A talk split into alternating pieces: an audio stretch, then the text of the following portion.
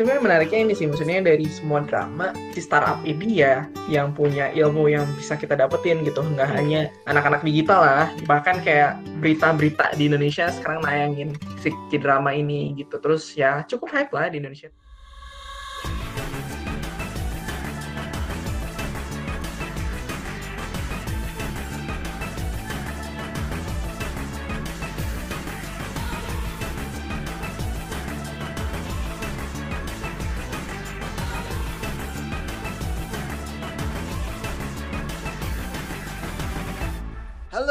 Creators, welcome back again with us to Create Insight Talks episode ke-7. Welcome.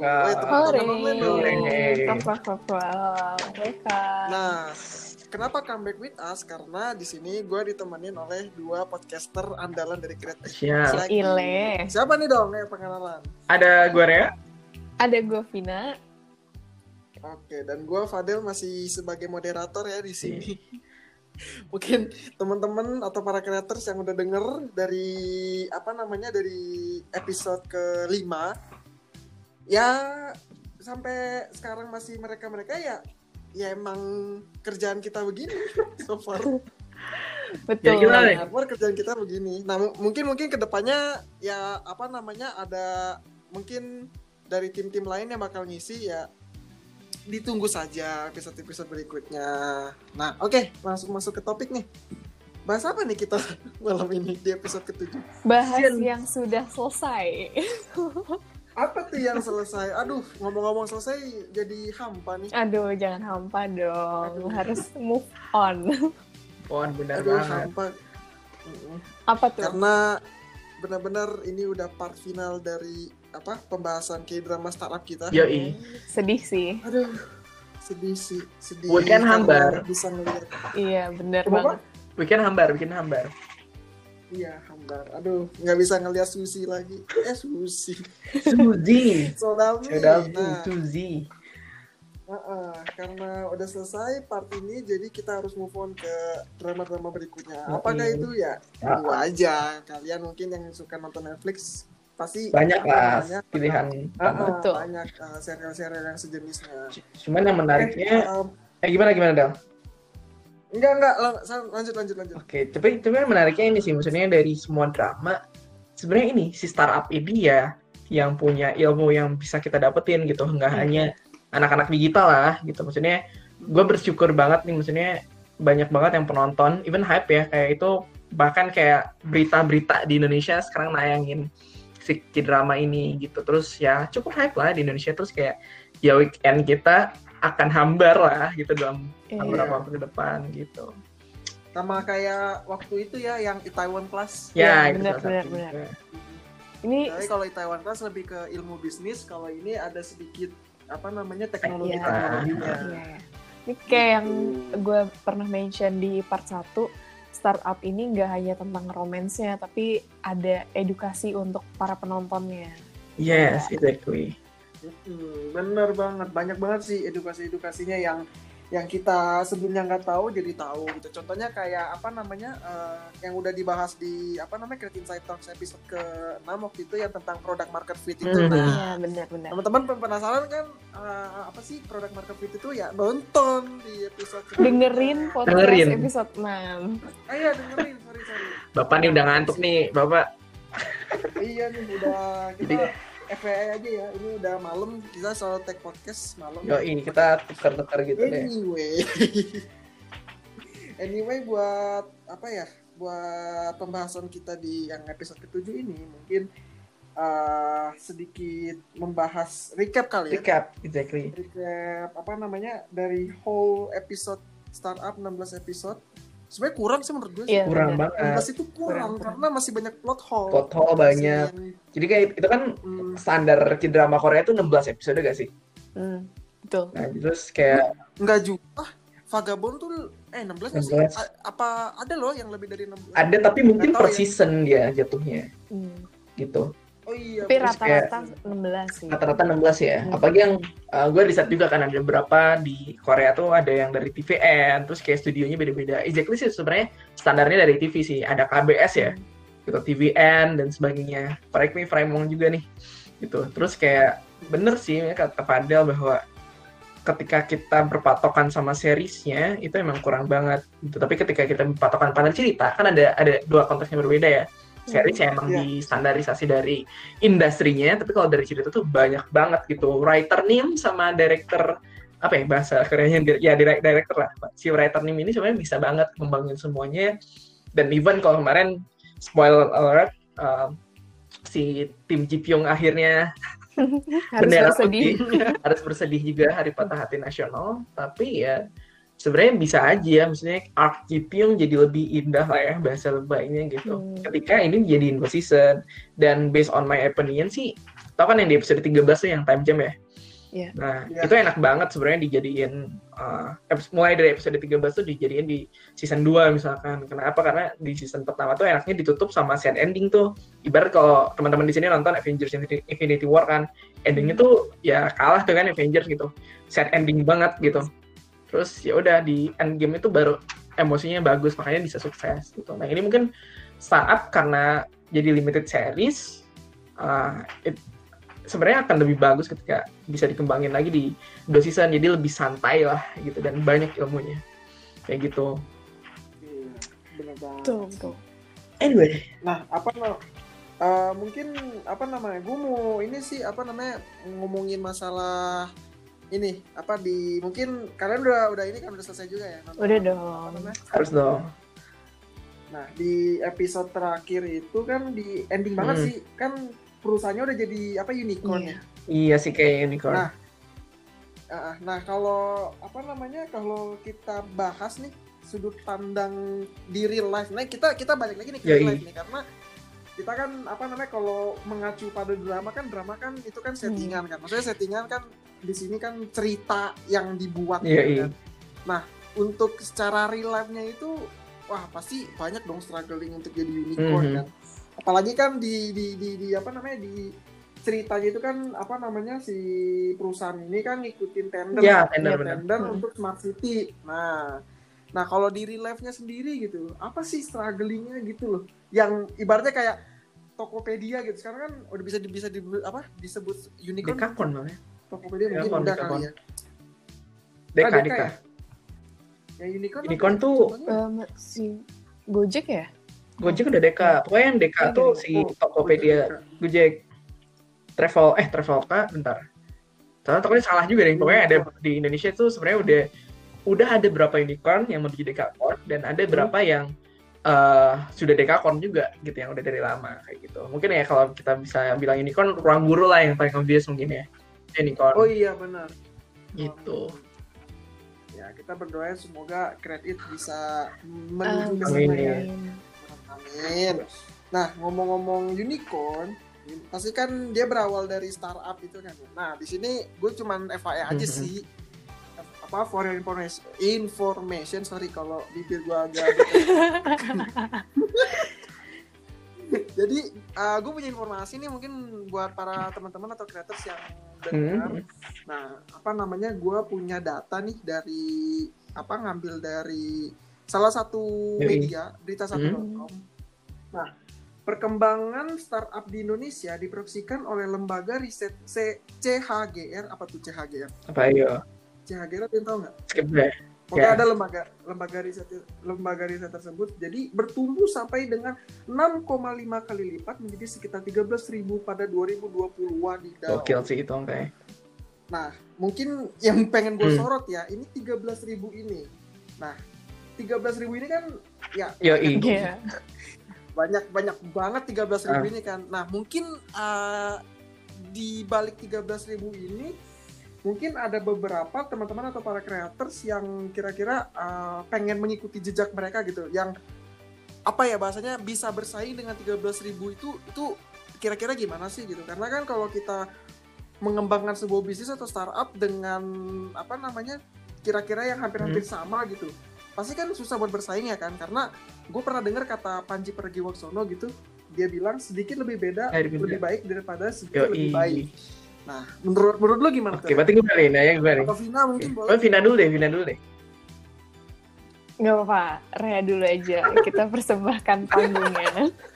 Aduh, siap, siap, siap. Sama sekalian sih, gue gua ngoreksi satu hal tadi di Indonesia tuh Dekakon tuh baru Gojek sama Grab gitu yang dua ride hailing itu Oh, masih iya. cepet banget lah gitu sementara yang lain masih unicorn gitu kayak kayak ada beberapa ya Tokopedia, Shopee, OVO. Yoi, GDIT. OVO gitu actually Shopee it's it, it is from Singapura ya Mm-mm. dari dari luar Iya, gitu. benar. Cuman kita fokusnya ke sana aja. Cuman yang karya anak bangsa bangetnya Gojek gitu. Nah yang lain kayak eh, Tokopedia, Bukalapak itu udah unicorn gitu. Itu sedikit koreksi tadi ya, sorry. Gue agak agak blank tadi. Boleh, boleh. Makasih koreksinya, Rey. Balik ke yang 13 Nah. ribu ini nih. Sebetulnya kan itu angka ya, maksudnya kalau kita lihat ya, eh, ini kita biasakan kayak benchmarknya emang dari luar negeri gitu. Karena kalau dari dalam negeri sih bukannya gimana, tapi kita akan horizonnya akan sempit gitu. Tapi ketika akan apa ya ngerasa jago lah ya gitu kasarnya. Siapa yang jago gitu. Cuman ketika kita Siap. uh, apa namanya uh, horizonnya lebih luas, itu kita benchmarknya bisa lebih enak. Let's say di contoh di Asia, di- kita mention top 20 most successful unicorn di tahun 2019 lah gitu. Dari yang misalkan Vina atau misalnya dari- ini nunjuk ya, uh, Vina coba mention salah satu saat di luar uh, Indonesia yang Asia yang sukses lah yang unicorn juga. Apa coba? Asia nih. Asia, ha. Airbnb Asia. Airbnb US deh kayaknya atau mungkin yang ah, mendekati inilah ya oil lah gitu ya misalnya Oh, say, iya. Kita bilang itu satu industri gitu. Eh, terus Fadel ya Fadel. Em, insight lu misalnya di luar deh di ini mah Asia lah. Atau misalnya tadi dari Vina thank you dari luar mungkin ya. Itu lebih horizonnya lebih luas lagi gitu. Cuman ada gak nih insight dari di Asia startup yang lebih sukses lah gitu yang gede? Ada insightnya? Mungkin Alibaba nggak sih? Karena dia kan bener-bener Nah, kan. Dan Sabi. Nah, tapi dia udah ini juga kan, udah. Nah, itu good good good good question, good, good answer juga by the way.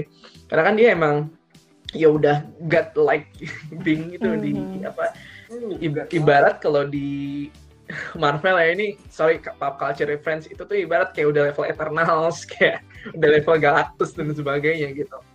Gak apa-apa, ini podcast lama-lama nyampur-nyampur. lah. Ke Marvel DC ya, Nanti ke Wars, eh, apa namanya Gatot Kaca, Gatot Kaca, semua unit. dan lainnya. Oke.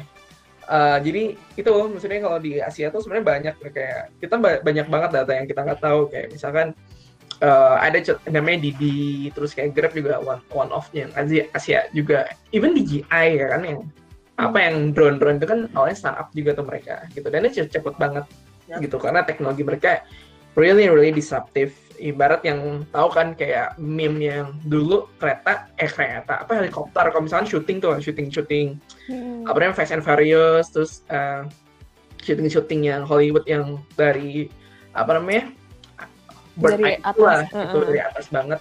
Nah sekarang Indonesia yang PH baru pun bisa bikin yang kayak gitu gitu. Ngeliat di bioskop tuh beberapa lah film-film baru indie. Itu mereka udah bisa bikin yang film apa namanya yang bird eye view kayak gitu.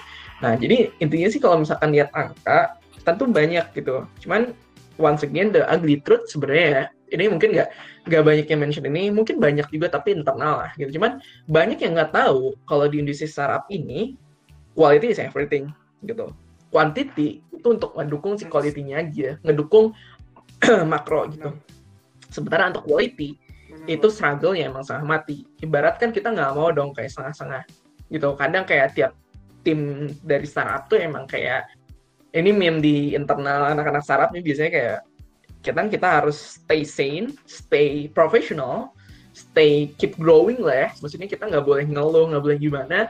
Di tengah emang tekanan harus sempurna gitu. Kasarnya kan kalau orang normal nih bedanya sama yang pelaku startup tuh kayak ya nggak bisa dong kita punya apa namanya punya keterbatasan terus kayak punya apa namanya punya ma plus minus lah ber- beragam alasan lah gitu ya. Atau kayak kapasitas kita cuma segini dan sebagainya gitu.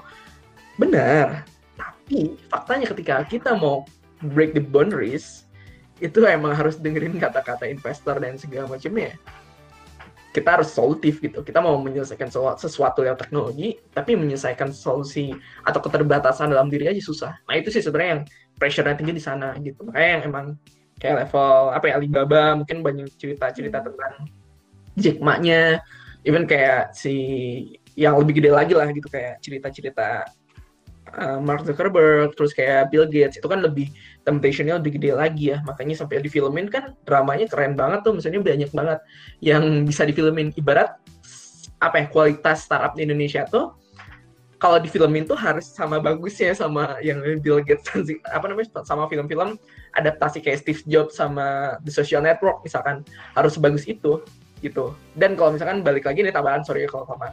Kalau uh, kita merujuk ke tadi sempat mention ya, kayaknya si startupnya siapa Xiaomi Company ini cepat hmm. banget ya growth-nya. Gak cuman yeah. kalau misalkan ini yeah. fun fact juga drama startup tuh kayak mereka take space almost half a decade gitu. Ini gue breakdown sendiri sih, gue searching nggak ada, tapi ini gue uh, observasi sendiri.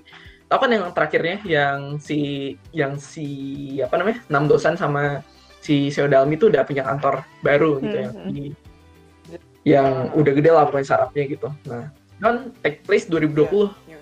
ya kan. Yeah. Nah itu present day. Nah dari situ tuh gue baru menyadari bahwa sama ini emang menceritakan proses hari ini yeah. gitu emang NKTCHI banget nanti cerita tentang hari ini hmm. banget gitu literally nah jadi yang 2019 tuh yang time jump nah yang si poninya GP nggak berubah patokan itu kenapa ya hmm. poninya GP nggak berubah Pony. karena itu kan yang dipermasalahin orang kan tiga tahun lu nggak ngapa-ngapain malah benerin poni ya kan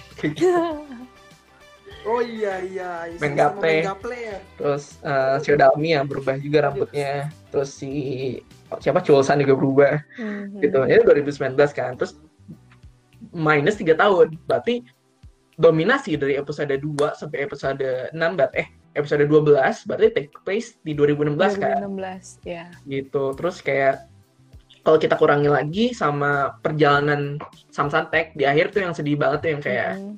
uh, apa kampret lu kita dua tahun kalau apa karena yeah. duit udah ditinggalin lo oke okay, berarti dua tahun berarti dong 2014 2014 dan uh, kalau dikurangin lagi sama insidennya si kakaknya meninggal itu kan lima tahun sebelumnya berarti 2011 2011 tuh. Pas yeah. si GP yang masih poni poni poni ucul kayak Amel mm. Kala gitu kan. Gitu. Nah itu 2011 berarti oke okay lah. Uh, kita lihat kalau kita lihat lagi industri ini berkembang di awal dekade gitu 2011 2011 gitu. Masih sepi ya kan di ceritanya di sandboxnya juga masih kecil tuh. Masih belum pada berbondong-bondong situ gitu. Terus kayak idenya pun masih basic terus 2016 lah. Nah berarti si enam dosan itu berjuangnya dari 2014 gitu. Dan itu tuh sedikit ralat mungkinnya di beberapa podcast sebelumnya dimention masih mahasiswa enggak. Ternyata dia tuh masih udah udah kuliah bahkan nah, di 2011 tuh mereka masih kuliah ceritanya gitu. Dan gue ngeliat detail kecil hmm. usia mereka tuh kelahiran 1989 gitu. Berarti sekarang usianya 30 tahunan lah ya. Hmm. gitu. Gue gue lihat sedikit sedetail itu untuk make sure bahwa ini realistis gitu. Karena banyak yang bilang oh cepet banget. Tapi nggak juga kok. Maksudnya enam dosan juga. Bayangin berapa tahun tuh? Dari 14 15 16 sekitar 6 tahun lah ya. Nah itu tuh ideal sebenarnya dalam startup. Iya 6 tahun. Gitu jadi di tahun ke biasanya di tahun satu dua tarik hitung dulu. Di tahun ke yuk mari tahun kedua yuk. lah maksudnya. Idealnya dan itu kayak ya tahun kedua biasanya itu yang ini apa namanya jumping pointnya gitu starting pointnya. Yang apa ibarat kalau startup to rocket nah itu deploy itu di tahun kedua gitu. Hmm, itu itu sih itu yang gue dapetin Hmm, oke okay, oke okay, oke okay, oke. I see, I see, I see. Nah, apa namanya? Mungkin juga yang menarik menarik ini apa namanya tuh? Yang dia ketemu ada yang tiga apa? Bukan newbie sih ibaratnya ya. Mm-hmm. orang baru lagi loh yang di yeah, yeah. kayak itu. Itu bisa dijadiin ini kali apa namanya next season ah menarik nih ngomongin next season. Next season tuh menarik banget sih itu sih. Gimana dari dari dari Vina gimana nih kalau misalkan kita ngomongin potensi next season yang scene mana tuh? Yang scene pokoknya tuh dia di Santek. Terus mau pindahan sebelum oh, nangis nangisan. Iya, iya, iya, ada tiga pemuda gitu kayak nangis gitu kayak, bro perjalanan lu masih panjang, be. Iya. Gitu. Nah itu itu bisa sih, bisa sih. Karena kan selama ini yang pasti orang-orang lihat tuh, kalaupun nanti ada season 2 tuh, yang diceritainnya adalah sisi dari Han Ji Pyong ya kan hmm. karena kan gantung banget tuh si Han Ji Pyong di endingnya kan nah mungkin itu bisa jadi um, menceritakan si apa ya istilahnya anaknya dari Sam Santek gitu Iya. ya nggak sih. Bi- bisa bisa aja sih jadi kayak perjalanan Sam Santek yang sesungguhnya itu seperti apa gitu dari penerusnya ini I see, I see. Mungkin kalau di apa namanya dibikin sequelnya gitu harusnya lebih dari Iya. 16 Iya episode sih. dong. 16 episode biar greget gitu nontonnya dan kalau bisa ya apa namanya eh kalau misalnya Time ada jam. kayak time apa sih Time bahasanya di film tuh ah time jam mm, time jam gitu bener-bener detail gitu karena kayak model di apa Itaewon Hmm. Class kan dia ada time jam kan jadi masih relevan gitu loh karena kemarin aja banyak banget ya hatersnya di episode 13 tuh 13 13. Tiba- 13 ya? tiba-tiba 13 apa tiga tahun setelahnya tiga. Hmm. Hmm, tiba-tiba tiga tahun setelahnya tuh kayak apa? Tidak ada perubahan gitu. Kantornya masih di sandbox. Terus habis itu si Dalmi tidak bisa move on. Terus si Ji Pyongnya masih ya begitu aja. Maksudnya nggak ada pergerakan. Jadi harus relevan juga di sini sih kalau ada time jam gitu kayak model-model di Taiwan Class gitu. Anyway, mungkin apa namanya eh langsung ini wah udah lumayan sih ke pertanyaan terakhir kayak sebelum pertanyaan terakhir deh eh, pes, mungkin apa ya pesan yang didapat kita tarik karena kan di episode 1 kan nih kita udah nggak udah ngasih juga nih pesan yang apa Hmm. kita ambil dari K-drama ini kan tapi kan masih episode Masih berapa sih waktu itu ya yang Iya. episode 1 Masih Episode episode, satu, sorry, 14 episode lah lima. kayak. 14 15 gitu deh. Mm, pokoknya Ya. di under 13 gitu deh. Nah mungkin karena ini udah selesai gitu kan dramanya, eh boleh dong eh, masing-masing sih. Jadi dari gua, Mhm. dari lu, Re, dari Vina gitu. Pesan yang bisa kalian ambil apa nih dari sudut pandang kalian masing-masing? Mungkin Ya. kalau dari gua ya, dari gua sendiri mungkin di sini pertama tuh Ah, cari oke, mentor yang tepat Hmm. mungkin gua gua jabarin dulu ya alasannya ya kenapa kita cari mentor yang tepat karena di sini tuh mentor namanya mentor itu kan dia kan uh, Mhm. me- mengayomi satu terus habis itu memberi arahan kan ke ibaratnya ke anak didiknya itu supaya uh, mereka itu ada di, di Ya. jalur yang benar gitu karena kalau misalnya kita kaitkan dengan drama startup ini kan kita lihat si Ji Pyong ini kan sebagai mentor dari Sam Santek ini kan bener-bener dia kan uh, di si- di satu Hmm. sisi dia memberi dukungan tapi di sisi lain dia kayak memberi suatu Bener hal banget. yang pahit-pahitnya gitu kan memberitahu kayak- yang realistis Mm, ya, kayak apa namanya?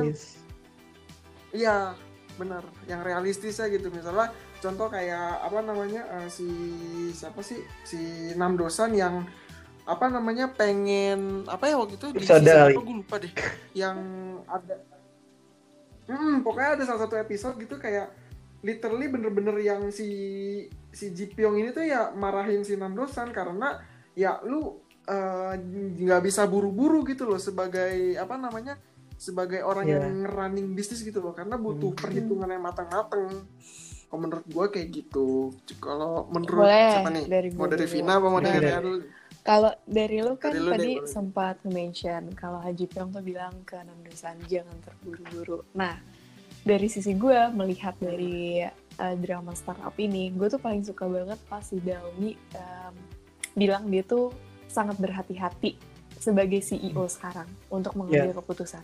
Hmm. Karena Nah, um, sebenarnya bener ya, maksudnya gue sependapat sama sama Dalmi di saat itu, di saat sebelum itu ya, waktu masih Sam Santek, mereka tuh terlalu berambisi, tidak memikirkan worst case-nya seperti apa gitu. Jadi kayak memikirkan untuk oke bakal dapat uang nih nanti gini-gini segala Mhm. macam tanpa memikirkan hal-hal yang um, kecilnya gitu. Gimana nanti bisnis ini berjalan dan lain sebagainya gitu. Hanya memikirkan satu uh, fokus aja gitu, satu poin aja gitu, dan mengakibatkan um, um, personilnya tuh bubar gitu, orang-orang di Mhm. dalamnya bubar bahkan sampai perusahaannya itu sendiri bubar gitu.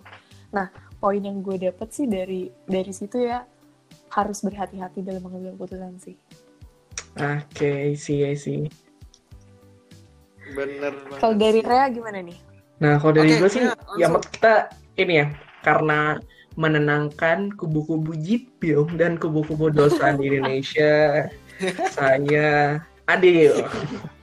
Karena untuk Dalmi tadi mungkin udah di represent ya, gitu. Gimana Dalmi relationship-nya dengan, ah, Dalmi Dosan lah, gitu. Atau bahkan Chulsan Yongsan, yeah. jangan lupakan mereka Yeah. itu uh, of course tentang mentor uh, relationship mentor juga lah gitu dan lebih itu keren kalau bicara keren-kerenan episode itu episode sekitar dari mulai episode hackathon lah hackathon sampai episode 10 nah itu lagi bagus-bagusnya tuh ya dalam besar nah kalau dari gue sih yang bisa diambil nih dari GPM dulu nih kalau misalkan kalau suka yang berproses itu dosan kalau yang suka yang matang itu Jipyong Hmm. nah again Jipyong juga pernah susah loh. Bahkan susahnya jauh lebih apa namanya lebih ya parah lah gitu daripada dosan Parah. gitu. Dosan ada pernah dimention juga di podcast sebelumnya dosan punya privilege dan bukan apa ya bukan yang miskin juga ya maksudnya ya. Hmm. segitu berkecukupan berkecukupan banget gitu Berkecukupan. pakai banget lagi udah bisa sewa kantor udah bisa Hmm. ya di provide segala apa teknologi dengan baik ya itulah menengah menengah ke, ke atas lumayan lah gitu Dan Terus masih satu. punya orang tua. Iya itu. Nah Jipyong kan tahu sendiri kayak gimana kondisinya kan. Udah Hmm. udah udah stres banget lah gitu. Apalagi usia usia muda gitu. Jadi emang berproses. Tapi salah satu uh, dipping point dia yang mungkin di industri startup juga familiar ya investment gitu. Dia jadi main trading saham lah waktu itu. Terus uh, dia termotivasi dari dosan nonton TV. Terus akhirnya udah dia termotivasi terus uh, growth dari investmentnya dia menghidupi diri sendiri sampai akhirnya uh, walaupun dia nggak entrepreneurship lah gitu nggak nggak ngomongin startup tapi dia sebagai dipilih sebagai jadi senior uh, investor di uh, di venture capitalnya sampai akhirnya dia paham gimana ngasih uh, nilai-nilai yang pernah dia pelajari sebelumnya dalam kehidupan. Sama yang keduanya of course tentang investment as a general di startup gitu. Jadi dia tuh kayak semacam ekosistem builder lah kalau di startup mah gitu. Nah dari sudut pandang dosan itu tuh semua bisnis of course perlu uang gitu. Kan Hmm. man money basic lah ya. Maksudnya kita semua ini ke, buat yang creators yang dengar kita basically semuanya bertiga ini uh, business management gitu. Kita belajar tech lah berapa gitu kayak big data dan sebagainya. Cuman yang kita kita familiar dengan itu main money machine method tapi yang salah satu yang pentingnya uang gitu. Nah uang di sini nggak nggak perlu investment nggak perlu kayak ya funding minta duit sana sini. Tapi yang penting adalah tentunya balik lagi ke salah satu episode yang fundamental banget dia bisnis model. Kalau kata Jipyong gue tahu pasti teknologi ini bagus tapi dari mana lu bisnis modelnya Hmm. gitu even kayak kayak create it in Benar. some point gitu ini sharing juga kita trial error itu ketika ditanya bisnis model gitu walaupun by time bisa tuh mulai ngejawab akhirnya awal-awal where's the business model gitu ketika investor nanya gitu dan uh, mostly memang bisnis model adalah salah satu yang penting banget di startup. Karena Krusial sih. krusial krusial parah gitu terus uh, terlepas dari itu semua ini yang poin paling penting dan ini ini ini generate buat buat siapa pun buat konteks apa pun yang lama kalah dengan sa- yang ada Wah. oke ulang lagi Wow. Wih, apa tuh? Apa tuh? Ini ini, ini Wow. ngambil dari Jadi- sudut pandang mana nih? Eh, Pandang mana nih? sebenarnya gini ini banyak banget sih essence sih dari startup itu lagi-lagi dengan konsep yang lama akan kalah dengan yang ada gitu dengan yang selalu ada lah gitu jadi contoh lah gitu kayak Dalmi dosan lah dosan akhirnya kan bisa mengalahkan kenangannya sih kenangannya Dalmi dengan tangannya tuh gitu itu. Sampai sampai sampai Arif Muhammad kesel tahu. Yang Dalmi kalau pengen tangan yang gede mending pacaran sama Hulkbuster aja. Lagi-lagi apa culture reference dari Marvel. Nah terus kayak eh, apa namanya? Si ya akhirnya bener lah gitu. Maksudnya di sana tim Jipyong emang ya udahlah emang alasannya itu benar kok gitu. Dan en- itu ending kalau salah ending episode 15 kan Iya. gitu. Yang balik lagi dia nanya gitu kan. Terus Mm-mm. uh, and then uh, ya akhirnya si ini aja si Chulsan kan. Chulsan ya selalu ada juga buat Saha. Itu kan salah satu ending yang orang keren juga kan itu salah satu Oh yang iya. yang oke lah itu Sabila nih story Sabi. Walaupun ada cemburu-cemburunya. itu belum apa-apa belum apa-apa padahal ya ampun Aduh, Terus, apa lagi ya? itu kan. sama eh, mungkin sama ini sih yang si Inje gitu akhirnya dia memilih fam keluarganya gitu itu ambiar Hmm. banget episode terakhir tuh Inje akhirnya udah memilih keluarganya yang selalu ada daripada ya kebetulan memang sempat ini kan uh, di keluarganya gitu sempat broken home juga. Akhirnya dia memilih ke namanya dari yang uh, Won In Jae jadi SEO lagi SEO, ya. gitu, keluarganya. Gitu sama yang terakhir sih ini gitu. Konsep yang lama akan kalah dengan yang ad, yang baru yang selalu ada gitu. Uh, itu maksudnya adalah relevansi di bisnis gitu. Let's say kita uh, berbicara misalkan contoh ya ini nggak apa-apa. Uh, mungkin tahu lah ini kita karena kita komparasi kita uh, samarkan lah gitu. Dan ini mungkin kayak anak-anak internal kreatif sering obrolin juga. Dulu ada edutech. Edutech udah ada dari tahun 2004 7 gitu 2007 gitu. Konsepnya mereka whiteboard gitu. nah ini kalau kalau tahu mungkin familiar lah gitu. Teman-teman yang pernah apa UMPTN, SBMPTN juga mungkin pernah belajar pakai ini. Mereka dulu base-nya DIS gitu. Nah, cuman in sekitar tahun 2014 hadirlah uh, kompetitor namanya B gitu. Tadi A lah ya. Uh, kompetitor B nggak tahu kan gitu. Cuman ini nggak nggak kayak gue tahu eksploitasi namanya. Gitu. Terus kayak oke okay, uh, gue sempat uh, ada momen ketika di tahun 2017 kan juga SBMPTN kan gitu. Terus gue masih pakai yang A gitu. Cuman waktu itu hati kecil gue kayak memberikan pemikiran polos anak SMA mikirnya kayak hmm kok bisa ya dikalahin gitu? Padahal gue udah nyaman sama A. Nah tapi ternyata orang lain tidak nyaman dengan A gitu. Itu kan udah lama nih gitu. Kita logikanya A lebih bisa growth. Dan sekarang faktanya tahu sendiri ada di mana-mana kan B gitu. Mengalahkan A.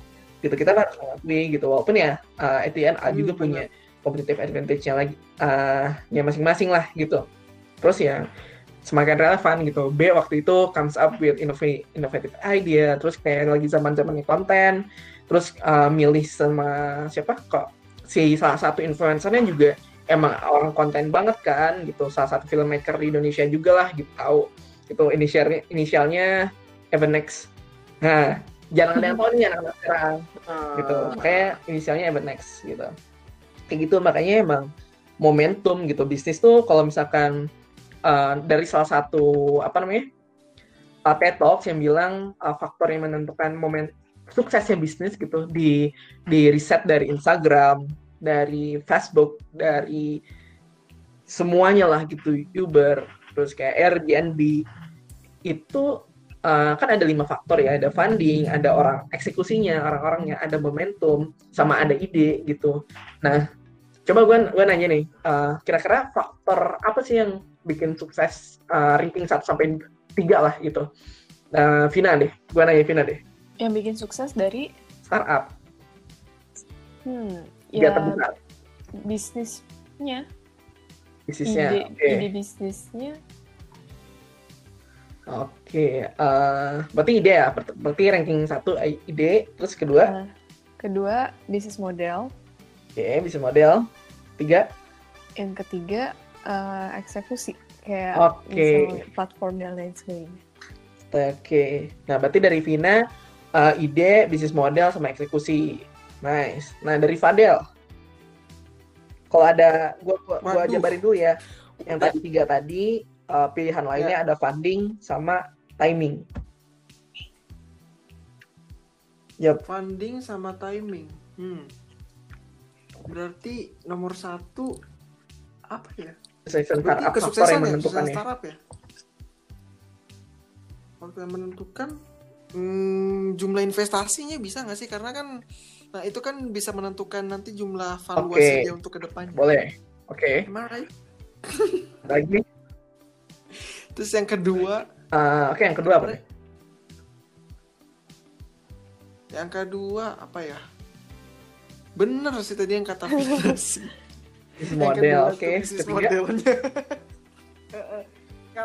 yang ketiga apa ya Oke. Okay. Mungkin internal eksekusi ya berarti ya. mendukung Oke, okay. kalau tadi berarti Fadil yang pertama funding, yang kedua uh, uh, tadi itu ya bisnis model ya, yang ketiga baru eksekusi. Oke. Okay. Nah, tapi faktanya ini gue lansir dari salah satu TED uh, TED Talk, tahu kan ya TED Talk dari hmm. Bill Gross namanya. Bill Gross ini uh, CEO ID Lab salah satu visi juga hmm. kalau nggak salah ya. Pokoknya tokoh lah tokoh bisnis kayak Eric Rice pokoknya tokoh bisnis kayak Elon Musk. Ya Elon Musk lah bisa dibilang. Atau kayak mungkin nggak Elon masih mungkin lebih kayak Gary V yang kayak gitu gitu nah atau satu lagi ada namanya yang start with Y itu siapa namanya? Lupa lah pokoknya yang se apa namanya satu angkatan sama mereka mereka ini. Atau Malcolm Gladwell dan sebagainya gitu. Hmm. nah jadi ada lima faktor sukses more than uh, 200 companies di dunia ya tentunya gitu nah yang pertama kalau nggak dari dari bawah dulu deh ya gitu 14% itu funding ranking 5 nih 14% funding. Cuma hmm? lima nih faktornya. Yang kelima dari dari dari dari bawah nih dari bontot banget itu yang keempat nilainya 14% lagi itu funding. Uh. Yang keempat bisnis model 24%. Hmm. Uh, 24% belum besar, belum besar. Yeah. Yang, ketiga, yang ketiga dari bawah idea atau truth outlier itu sekitar 28% gitu. Jadi ada funding dari awal nih dari dari nol dari presentasi paling bontot itu bisnis modelnya. Nah, kenapa? Nanti gue jelasin. Dan ada idea. Nah, yang kedua, yang ranking dua nih, juara dua itu tim atau eksekusi gitu. Nah, yang pertama itu timing. Wow. Nah, ini gue gue jelasin dikit lah ya. Nah, jadi dari dari timing ini uh, Alibaba mungkin akan tidak sesuka sekarang ketika mereka adanya baru tahun-tahun sekarang gitu hmm. sama ketika si tadi yang edutech yang A hmm. itu mereka uh, timingnya itu kurang tepat ketika memang beberapa tahun uh, belakang gitu tahun 2000, 2004 makanya mereka jualnya by this gitu. Dan sebenarnya sih bisa scale up ketika mereka hmm. timingnya pas gitu. Oke kita mau bikin video animasi misalkan di tahun 2014 tapi kesusul sama si brand B itu gitu loh. Gitu. Kayak Gojek deh. Gojek timingnya pas gitu. Hmm. Uber belum ada di Indonesia di penetrasi pasar ya kan? Timing is everything gitu loh. Uh, and then team and execution tentunya itu kayak mengaruh banget. Misalnya tim uh, tim tim di sini misalnya kadang kayak mungkin ngambil lagi dari drama startup. Kadang kan yang awal awal-awal tuh episode hackathon episode di Modi nggak salah. Itu kan pada Andre Simit Dal Dalmi lah gitu. Yeah. ah, dia pak nggak kalau nggak salah nggak nggak lulus kuliah juga drop out. Cuman kan ada faktor lainnya kan dia drop out demi apa gitu waktu itu. Hmm. demi jual buat ini uh, kedainya neneknya. Nenek, ya. Gitu Nah, eksekusi sebenarnya yang yang bagus banget gitu. Harus harus sebagus mungkin. Ya itu yang tadi sempat di-mention, kita harus stay sane di tengah dunia yang tidak mau berkompromi ini. And then yang ketiga idea. Nah, sebenarnya ketika eksekusi idenya biasa uh, sosok lah, maksudnya udah udah udah udah ada ada putarnya sebelumnya gitu. Contoh yang tadi kasus edutech tadi gitu. Udah ada nih si A. Nah, si B bagus eksekusinya, timingnya pas. Udah kelar kan gitu. Maksudnya disusul lah gitu maksudnya nggak kelar juga yang satu lagi hmm. masih ada gitu. Maksudnya masih survive mereka. Nah yang keempat bisnis model. Nah bisnis model itu kan sebenarnya kita dalam proses pencarian gitu. Asal nggak private private banget nggak nggak nggak ganti bis nggak ganti ide yang gimana sebenarnya bisnis model masih terus dicari gitu. Karena startup is all about mencari bisnis model baru kan gitu, sampai market fit. Ketika udah cuan sebenarnya ya baru yang kelima funding. Funding tuh ibarat kayak pendorongnya aja gitu. Kayak inkubator akselerator tuh kayak sandbox lah. Sandbox tuh pendorong aja. Di luar sana kan di Korea lah contohnya ya. Nggak jangan, jangan di Indonesia deh. Di Korea kan masih banyak lah. Di universe startup kan masih banyak startup-startup yang sukses ya guys sih? Gitu. Dan sandbox ini cuman kayak kayak konsep sandbox literally gitu. Yang apa namanya sebagai pelindung ketika jatuh yang kayak gitu. Nah tapi ketika eksekusinya bagus fokus ke generate apa traction bagus gitu. Maksudnya nggak nggak nggak funding faktor kelima lah gitu. Ibarat nih kalau kita visualisasikan, funding tuh kayak pendorong gitu maksudnya pendorong semuanya biar naik gitu, biar timingnya pas, timnya pas, ID-nya pas, bisnis modelnya pas gitu. Karena percuma kalau misalkan di funding nih, uh, dan funding juga akan datang ketika yang empatnya bagus gitu. Hmm. Karena percuma juga investor itu itu kan kayak ada hmm. apa chicken and egg-nya kayak gitu. Cuman uh, kalau misalkan berdasarkan teorinya si kalau saya Elon Musk ya. Ya kalau telur sama ayam telur dulu gitu. Nah ini kalau ditanya funding dulu atau yang empat lain dulu? Ya yang empat lain dulu baru baru kan gitu. Baru nggak bisa kecuali misalkan uh, saudaranya ada ada investor gitu percaya lah gitu yang kayak gitu.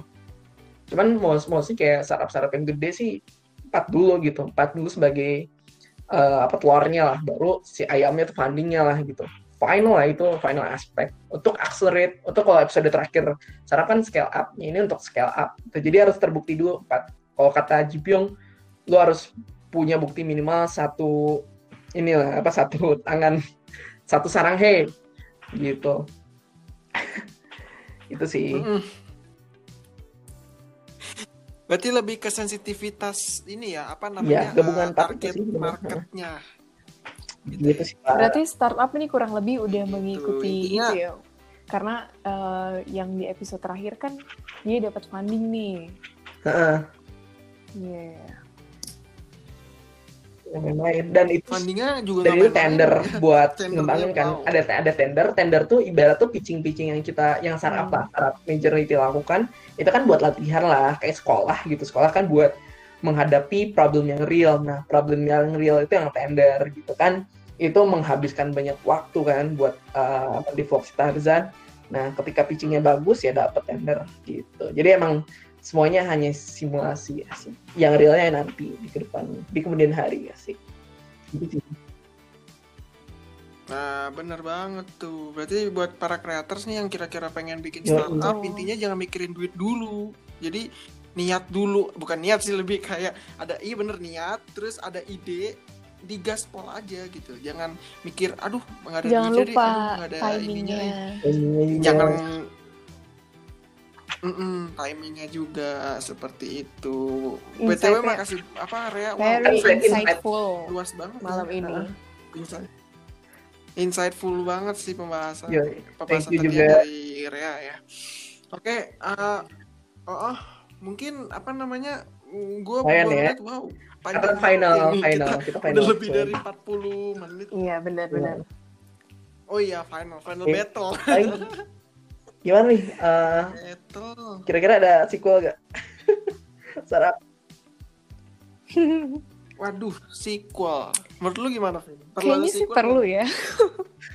Tapi dengan mau, mau tim yang sama, nyeritain uh, sepasang suami istri yang menjalankan startup besar, aduh, aduh, aduh. atau dari atau tim yang lain? Kalau gue sih agak ke tadi sih yang dua antara menceritakan Han Ji Pyong lagi off ya. bisa jadi bisa jadi nanti ke depannya uh, si perusahaan yang tadi nih yang nempatin si uh, bekasnya Samsung oh yang awal tadi ya uh, nah bisa jadi Han Ji Pyong investasi ke situ ya nggak sih Kayak ada cerita baru lagi iya yeah, iya yeah, benar-benar dari lu gimana Dela? atau enggak kalau dari gua ceritain yang tiga orang 15, yang itu yang di episode 15 eh 15 yang 16 Samsung. yang ketemu yep. per, apa sama Samsung Tech gitu kayak seru deh maksudnya kita lihat dari sudut pandang mereka yang bener-bener yeah. kan itu yeah. representasi bener -bener. mereka dulu industrinya gitu. logistik lagi jadi menarik lah industrinya logistik kayak Go Go Sen yang bener, kayak bener, gitu kayak delivery mungkin yang di Indonesia ada tuh iya yeah. mm -mm. soalnya kalau kalau diceritain kayak suami istri yang pasangan Namdosa dan Dalmi yang menjalankan perusahaan kayak ya ya udah maksudnya pasti kan ya ya udah gitu aja gitu loh. Tapi iya. kan nah, dia tinggal core inti dari tinggal maintain ini, aja gitu, gitu ya. Maintain. Hmm. Judulnya scale up hmm. atau enggak judulnya unicorn cocoknya ya. gitu. Dekakorn. Hmm, atau enggak jadi dekakorn atau enggak jadi apa unicorn, popcorn tapi tapi kalau dari gue sih uh, yeah. Iya. karena gue udah membaca most likely sih cancel Netflix season 2 nggak ada hmm. kan karena limited series gitu bener kata Fadel tadi gitu kalau misalnya dilanjutin tuh ibarat kayak eh, kalau penonton mendengar apa pendengar pendengar kreator di sini nonton kayak uh, let's say apa ya kayak ya Naruto lah gitu. Naruto kan dilanjutinnya sama baru lagi Boruto atau Avatar dulu kan ada Legend of Aang. Semua anak-anak Indonesia tahu ketika dilanjutin jadi uh, Legend of Korra itu nggak nggak sukses sukses yang sebelumnya gitu. Karena kan coming of aja yang namanya kayak gini. Gitu. cuman opsi gue sih kalau yang mau menarik sih benar di spin offin gitu. Jadi tiap uh, season startup kalau misalkan mau dijadiin saga tuh itu ekspor universe yang lain gitu. Nggak hanya sandbox mungkin core-nya tetap tuh sandbox hmm. atau ada cameo dikit misalkan dari dari kan suka ada tuh kuliah umum kuliah umum di sandbox tuh Hmm. nah si Ji Pyong is- eh sorry si Nam Dosan, Nam Dosan, si oke, apa sih iya. si, si siapa si Dalmi iya atau Oh, cameo lah ya di sana. gitu ya? Jadi ceritanya emang medannya kan kalau ini dari nol banget tuh. Nah, bisa jadi yang nanti cerita season 2 misalkan itu cerita yang tiga orang itu tadi gitu. Bisa aja mereka eh, nggak se contoh ide cerita ya. Misalkan contohnya nggak nggak sesmooth tanda kutip tidak ses, eh, apa ya secara cerita tidak sependek itu ceritanya gitu. Tapi sepanjang jalan emang perjalanan mereka ke sandbox gitu. Jadi di episode terakhir baru ke sandbox. Kalau ini kan jatuhnya tuh apa ya by penonton tuh mau mau ngelihat ending startupnya tuh kan si dosan si Dalmi sama Jipyong atau dosan kan? Atau sampai mana nih si bisnisnya gitu. Bisnis mana yang disetelin gitu kan bukan si Sam Santek kan. Akhirnya kan yang meong kan. Gitu. Eh, nah menariknya nanti kalau misalnya season 2 dan seterusnya atau minimal season 2 lah. Season 2 tuh endingnya bisa aja di set bahwa perjalanan ke sandbox tidak mulus. Jadi orang-orang looking forward Oh, iya. apakah mereka berhasil gak masuk sandbox? Atau apa nih mereka nge-achieve apa gitu? Selain romance gitu. Bisa aja kayak lebih ke friendship lebih ke family-nya gitu gitu sih mungkin alternatifnya walaupun ya sad juga sih dengar fakta bahwa uh, most likely akan jadi limited series gitu jadi emang kayak ini jadi apa pengingat memori di hati kayak mengingat surat-suratnya Jipyong kepada Dalmi gitu di musim gugur asik Asik. banget Itu wah Begitu membekas sih banget sih mungkin. itu sih. Oke. Mm-mm. Iya, intinya apa balik yang ke yang tadi lagi, yang Bener. lama akan kalah dengan yang selalu ada gitu. Jadi teman-teman kalau apa namanya pengen seperti enam dosen ya berusaha lah gitu loh. Minimal minimal kalau muka ngomong dulu pinter lah gitu. Jangan udah jelek bego. Gitu. Maaf ya nih juga out konteks gitu. ya, maaf ya. Kayak juga lah. Mungkin nanti bisa gue sensor kali bagian itu terlalu banget. Panjang ya, panjang ya. Ini udah wah udah panjang banget ini udah dari ini. Udah panjang banget nih. Jadi eh, ya udah intinya teman-teman ya udah intinya denger aja nanti ya dari awal. Bisa ngasih kesimpulan sendiri karena kan tiap-tiap orang kan Betul, ini, apa punya opininya kesimpulan sendiri-sendiri. sendiri-sendiri gitu jadi ambil yang baiknya Mm-mm, benar banget jadi Betul. ambil yang baiknya buang By the way, sebelum gitu. ditutup nih, gue mau Oke, ngucapin makasih teman-teman dan para- buat Nambusan sama, sama Dalmi. Selamat menempuh hidup baru. Iya. oh iya iya Eh, Kemarin- kebetulan gue ke nggak ada kantornya waktu buat datang.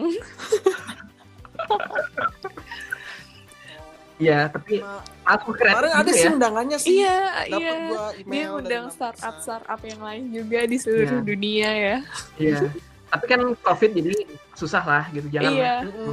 Aduh, virtual aja. Kemarin Hmm, virtual jadi ini juga ikut ya. Zoom gitu. Virtual weddingnya juga. undangan Zoom, iya iya. Ya. Duh, halunya dapet banget ya.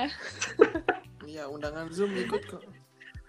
Iya. Kayak ha- dapet, dapet banget kok. Kayak halunya tim Jipyong. sama Aduh, aduh. Aduh, merasa tersindir deh aku. Iya, iya, iya, iya. aduh, aduh. Aduh. Aduh, sama ini sih gue cuman ah gue gue pengen ngucapin Iya. juga ke Culsan yang Eh, alhamdulillah iya, ya bener, bener, tidak bener. bertepuk sebelah tangan cintanya yang Mm-mm. Alhamdulillah akhirnya di- diterima juga cinta. Dan Iya, semoga dia juga- dapat momongan ya, Pembahasan. cepat dapat Ya. momongan. Oke. Amin. Semoga dapat ngomongan gitu nanti Iya, ada buat Pak, Bapahan, jangan lainnya. bersedih hati. Banyak orang-orang yang menginginkan dirimu. Tuh, Sama Bapahan saya kalau juga nggak bisa boleh, ya. Katanya juga mau ke Indonesia dia, wawancara di CNN. Oh, CNN udah udah Mau ke Bali, mau ke Bali. Ya, mau ke Bali dia. Tuh, Mau main ke Bali. tuh teman-teman creators yang di Bali tuh bisa tuh nanti Iya. samperin ke Han Ji Pyong buat apa namanya? Siapa tahu di notice gitu ya. nagih-nagih ini apa namanya? eh, iya benar siapa tahu di notice kan gitu. Mungkin apa teman-teman creators yang punya startup teriak aja Pak investasi di perusahaan kami. Tapi Padahal real, realnya ini realnya pada- sorry. Kim Seono, Kim Seono mau ke Bali. Bilang dia waktu di interview, Heeh. saya ingin sekali makan nasi goreng. Di WA, Oh di asli. WA tadi. Woi, di WA. Aduh, Oh di WhatsApp. Tadi kalau gue sih dari ini sih dari apa namanya dari enam dosan sih bilangnya eh, si si Han tuh katanya mau Mantep, ke mantep. Ya Allah. mantep. Ya Eh, Allah. dan ntar bentar lagi main-main lah Bali, ke gitu. ini ke Mm-mm. mana? Atau udah udah udah ngaco ngaco. Makin malam makin Ya ngaco. Ya terus Oke, gue gue udah gue gue tutup ya, gue tutup. ya mungkin gitu aja. Thank you so much.